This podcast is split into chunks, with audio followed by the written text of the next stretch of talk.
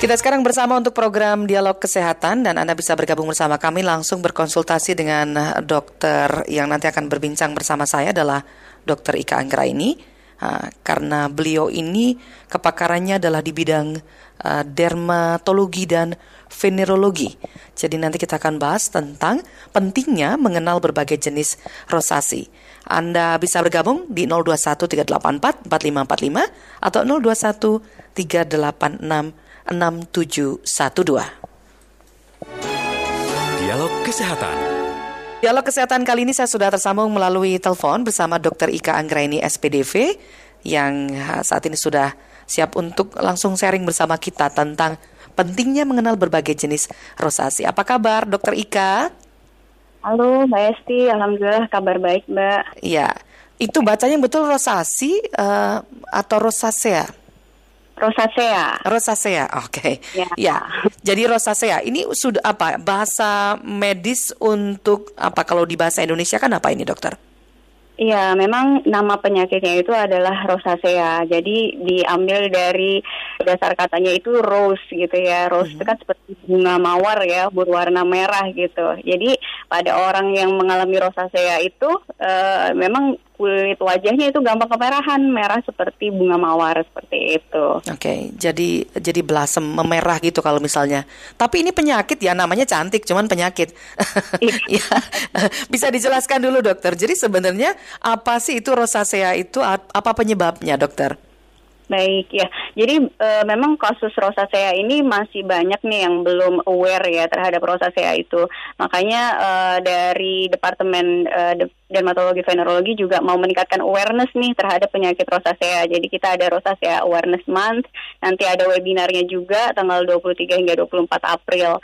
Jadi dari situ nanti akan banyak pembicara dari luar juga. Jadi rosacea itu sebenarnya merupakan sebuah penyakit kulit kronik yang umumnya terjadi di wajah, di bagian sentrofasial dari wajah yaitu di bagian dahi, kemudian hidung, kemudian pipi dan dagu itu yang paling sering terjadi. Penyakitnya itu kronik dan sering kali kambuh-kambuhan seperti itu. Oke, okay. secara fisik kalau misalnya kita lihat seseorang yang kena rosacea itu berarti bagaimana bentuk di kulit wajah itu? Merah, kemudian seperti melepuh atau gimana dokter? Nah, jadi e, sebenarnya kalau untuk manifestasi klinisnya dari rosacea itu ada empat tipe nih, makanya penting hmm. banget e, untuk mengetahui bagaimana jenis-jenis dari e, rosacea itu. Yang pertama itu gambarannya erythematotelangiectasis. Yang kedua itu adalah papulopustular, kemudian yang ketiga itu ada fimatus, kemudian yang keempat itu ada okular rosacea. Jadi yang uh, saya jelaskan dulu dari yang awal ya, yeah. telangiectasis itu eritema itu merah artinya, kemudian telangiectasis itu uh, pembuluh darahnya yang melebar gitu. Jadi mungkin kalau orang awam sering lihat kayak urat-urat kemerahan gitu ya yang ada di bagian wajah bahasa awamnya ya. Hmm. Jadi kita ngelihatnya orangnya tuh gampang flushing gitu. Kadang kalau orang kan kayak habis makan uh, makanan yang pedas gitu kan ada flushingnya. Nah ini dia flushingnya itu lebih lama gitu, menetap bisa lebih menetap lama. Kemudian yang kedua itu ada yang papulopustular rosacea. Itu gambarannya berupa bintil-bintil atau yang uh, bisa juga sampai nanti bernanah gitu ya. Uh, jadi banyak orang yang mengira bahwa dia mengalami jerawat gitu ya. Hmm. Tapi kalau orang yang jerawat itu ada komedonya gitu. Tapi kalau pada rosacea itu nggak ada komedonya gitu. Jadi sering kali uh, ini underdiagnosed gitu. Jadi nggak disadari uh, diobatin aja mungkin pakai skincare skincare yang memang untuk pengobatan jerawat tapi tidak membaik membaik nih. Nah makanya uh, apa harus dibawa ke dokter untuk mengetahui apakah ini jerawat atau ini rosacea gitu. Terus yang ketiga itu yang fimatus gitu. Fimatus ini dia gambarannya lebih nggak enak lagi nih. Dia lebih berbenjol-benjol pada daerah Uh, paling sering di daerah hidung, tapi bisa juga ada di dagu gitu. Kemudian ada di kelopak mata itu juga bisa dia jadi bengkak, kemudian berbenjol-benjol hidungnya. Kemudian yang keempat itu okular rosacea. Okular rosacea itu dia uh, kelopak matanya awal mulanya kemerahan, rasanya stinging agak burning gitu, gatel gitu. Terus lama-lama nanti bisa jadi lebih uh, makin parah, bisa sampai uh, konjungtivitis, peradangan ya de pada daerah matanya. Kemudian bisa sampai ada yang bulu matanya juga jadi gampang copot seperti itu. Oke. Okay. Jadi kalau tadi mendengar penjelasan dokter sebenarnya ini berbahaya sekali ya untuk uh, kita terutama karena posisinya ada di wajah ya dokter. Benar, iya. Kan kita sering kali concern ya dengan wajah karena itu kan uh, yang sering kali dilihat pada saat awal kali kita bertemu dengan orang itu adalah wajah ya. Jadi memang sering kali uh, rosacea ini bisa bikin uh, kepercayaan diri jadi lebih berkurang gitu ya karena uh, wajahnya itu lebih sering kemerahan bahkan bisa jadi kayak timbul bintil-bintil seperti itu bahkan hidungnya yang bisa sampai bengkak seperti itu. Oh, sampai separah itu. Pernah ya. menangani kasus yang paling parah sampai seperti apa contohnya, Dokter Ika?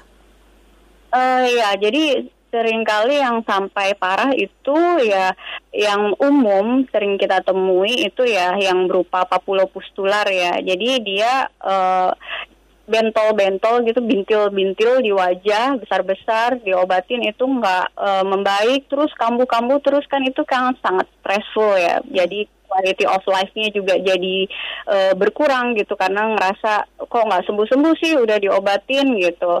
Yang lebih parah lagi ya yang sampai yang rinofima ya kayak hidung itu jadi lebih berbenjol-benjol jadi besar gitu. Ya itu kan sangat mengganggu uh, penampilan ya. Oke. Okay. Siapa saja sih dok yang biasanya rawan bisa terkena rosacea ini? Nah, sebenarnya yang uh, yang paling sering terkena rosacea itu adalah wanita ya dibandingkan dengan pria. Hmm. Mungkin juga wanita itu lebih sering apa ya, lebih memperhatikan tentang uh, penampilan fisiknya itu juga bisa berpengaruh terhadap uh, kenapa lebih sering pada wanita dibandingkan pria. Tapi yang paling sering itu adalah orang-orang yang memang memiliki predisposisi genetik tertentu gitu dari rosacea itu. Ya, jadi kalau misal tapi tidak harus selalu menurun ya misalkan ayahnya atau ibunya kena rosacea langsung anaknya semuanya kena rosacea tidak seperti itu juga. Hmm. Jadi memang ada faktor kerentanan genetik yang mana bisa uh, me, lebih rentan terhadap faktor-faktor pencetus tertentu. Faktor pencetusnya rosacea itu apa aja sih? Ya, yang pertama itu bisa dari uh, sinar ultraviolet ya panas gitu. Itu yeah. bisa memicu rosacea. Kemudian makanan-makanan yang pedas gitu, itu juga memicu rosacea. Apalagi kita tinggal di negara tropis di Indonesia, memang pasti selalu ada sinar matahari. Kemudian kita juga suka makanan-makanan yang pedas ya. Yeah. Nah itu jadi uh, itu juga akan lebih beresiko untuk membuat rosaceanya jadi sering kambuh gitu. Hmm. Kemudian yang lainnya bisa juga dari stres, banyak pikiran dan aktivitas fisik yang berlebihan. Kemudian adanya juga uh, peningkatan dari parasit tertentu dari kulit ya namanya Demodex folliculorum. Uh, dan kemudian ada juga yang meningkat pada orang-orang yang konsumsi alkohol ya itu juga akan uh, lebih mudah untuk kambuh rosaceanya. Hmm, Oke, okay. dokter kita buka layanan konsultasi dengan pendengar ya. Masih Boleh, berbincang seputar pentingnya mengenal berbagai jenis rosacea. Pendengar bisa bergabung di 0213844545 atau 0213866712. Saya bersama Dr. Ika Anggraini, spesialis dermatologi dan venerologi. Anda bisa langsung konsultasi seputar kalau mungkin ada memang keluhan ataupun beberapa tanda-tanda di wajah ya yang tadi sudah dijelaskan oleh dokter. Tapi uh, bagaimana membedakan ini dengan uh, jerawat? Ini ada pertanyaan dari pendengar yang bergabung lewat WA. Terus ada juga yang tanya kalau kulit putih uh, kena rosacea kan kelihatan bisa memerah. Kalau misalnya kulit kami gelap bagaimana? Oke, dua uh, pertanyaan lewat WA. Nanti bisa langsung ditanggapi Dokter Ika. Tapi kita terima telepon dulu ya. Ada Pak Ahmad, pendengar yang bergabung. Pak Ahmad, silakan Pak Ahmad. Selamat pagi, ya, Mbak. Selamat pagi. Selamat pagi, Pak Ahmad. Ya, selamat pagi, Mbak. Iya. Pak Ika.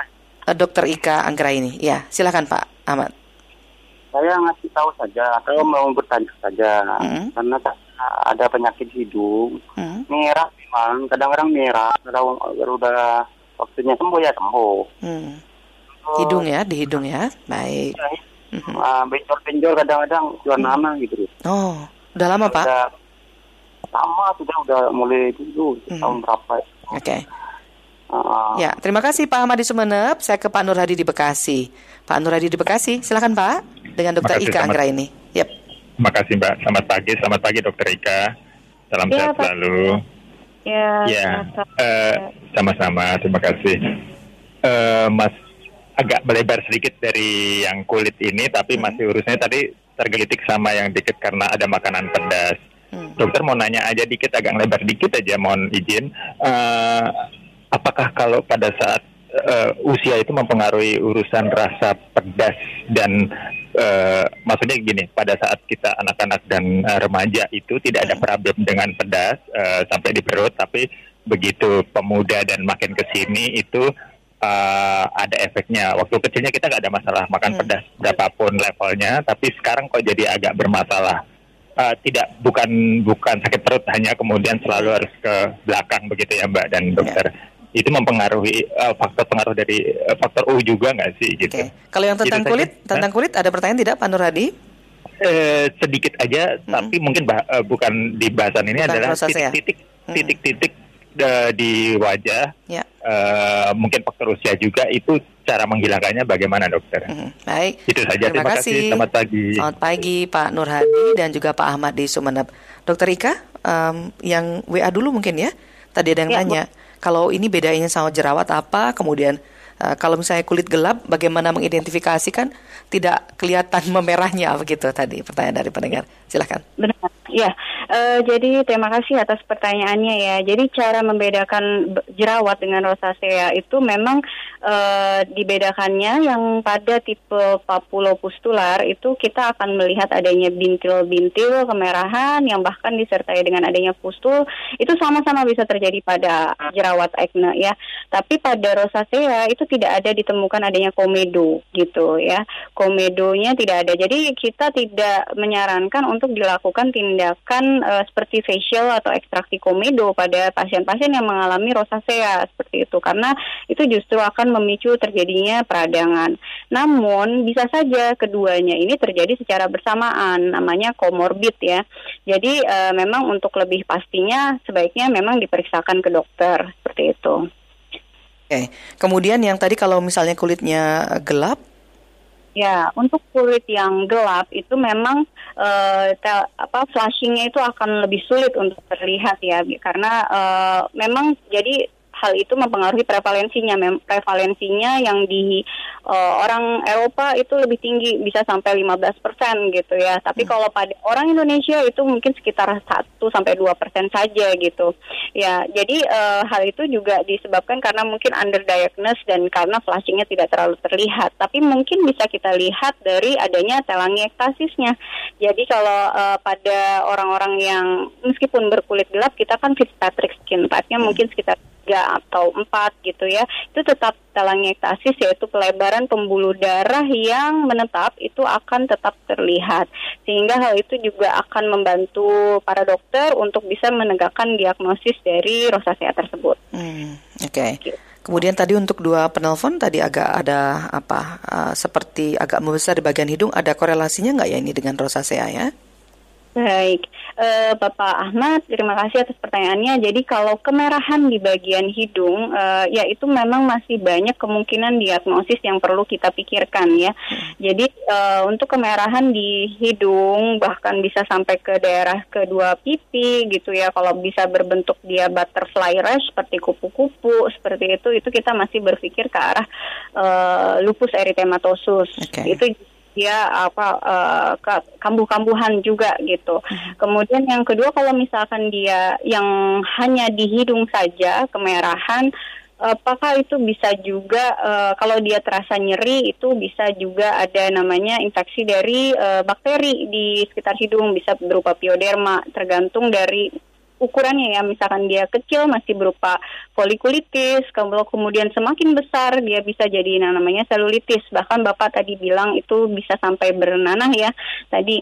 Ya jadi uh, masih uh, bisa juga kemungkinannya karena infeksi bakteri seperti itu. Hmm. Nah, jadi kalau yang lainnya lagi, kalau dia tidak terasa nyeri, uh, kemudian tidak melibatkan daerah pipi, mungkin masih bisa ada. Kalau di lipatan-lipatan hidung ya, masih bisa dermatitis seboroid itu juga sering terjadi di daerah wajah. Ya. Itu. Pertanyaan Pak Nuradi berkenan menjawab tadi soal usia apakah pengaruh rasa pedas karena di luar topik kita?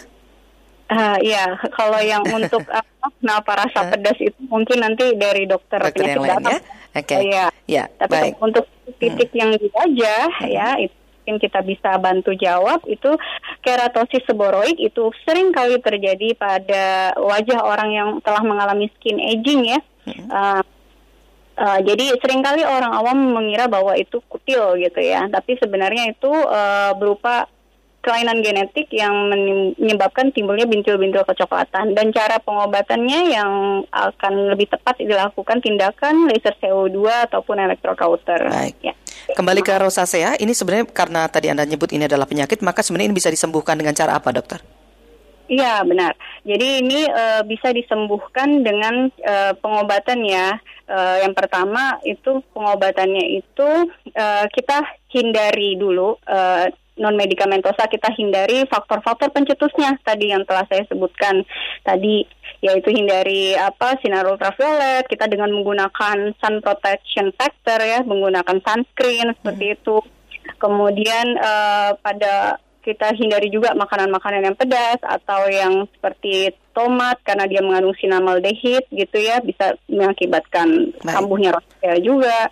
Kemudian kita uh, gunakan juga uh, pada orang yang rosacea sering kali kulitnya itu sensitif ya, jadi gampang kemerahan seperti itu. Transepidermal water loss-nya juga meningkat sehingga kita bisa sarankan penggunaan moisturizer gitu. Moisturizer ya yang uh, pelembab bisa digunakan tiga kali sehari. Kemudian kita hindari pewangi ataupun parfum atau skincare skincare yang mengandung uh, bahan-bahan tertentu seperti formaldehid, propilen glikol atau pewangi gitu. Okay. Kemudian obatnya sendiri itu akan diresepkan oleh dokter itu hmm. ada yang oles, topikal ataupun yang oral yang diminum gitu ya. Jadi jangan ngobatin sendiri ya, lebih baik langsung konsultasi ke dokter saja. Baik, terima ya, kasih ya, Dokter Ika Ngrini sudah bersama Pro 3 RRI untuk dialog kesehatan kali ini. Sehat selalu dokter. Kita ngobrol lagi di lain kesempatan. Selamat pagi. Pagi Mbak Elsa, terima ya, kasih. Ya, terima kasih Dokter Ika Anggraini. Dialog Kesehatan.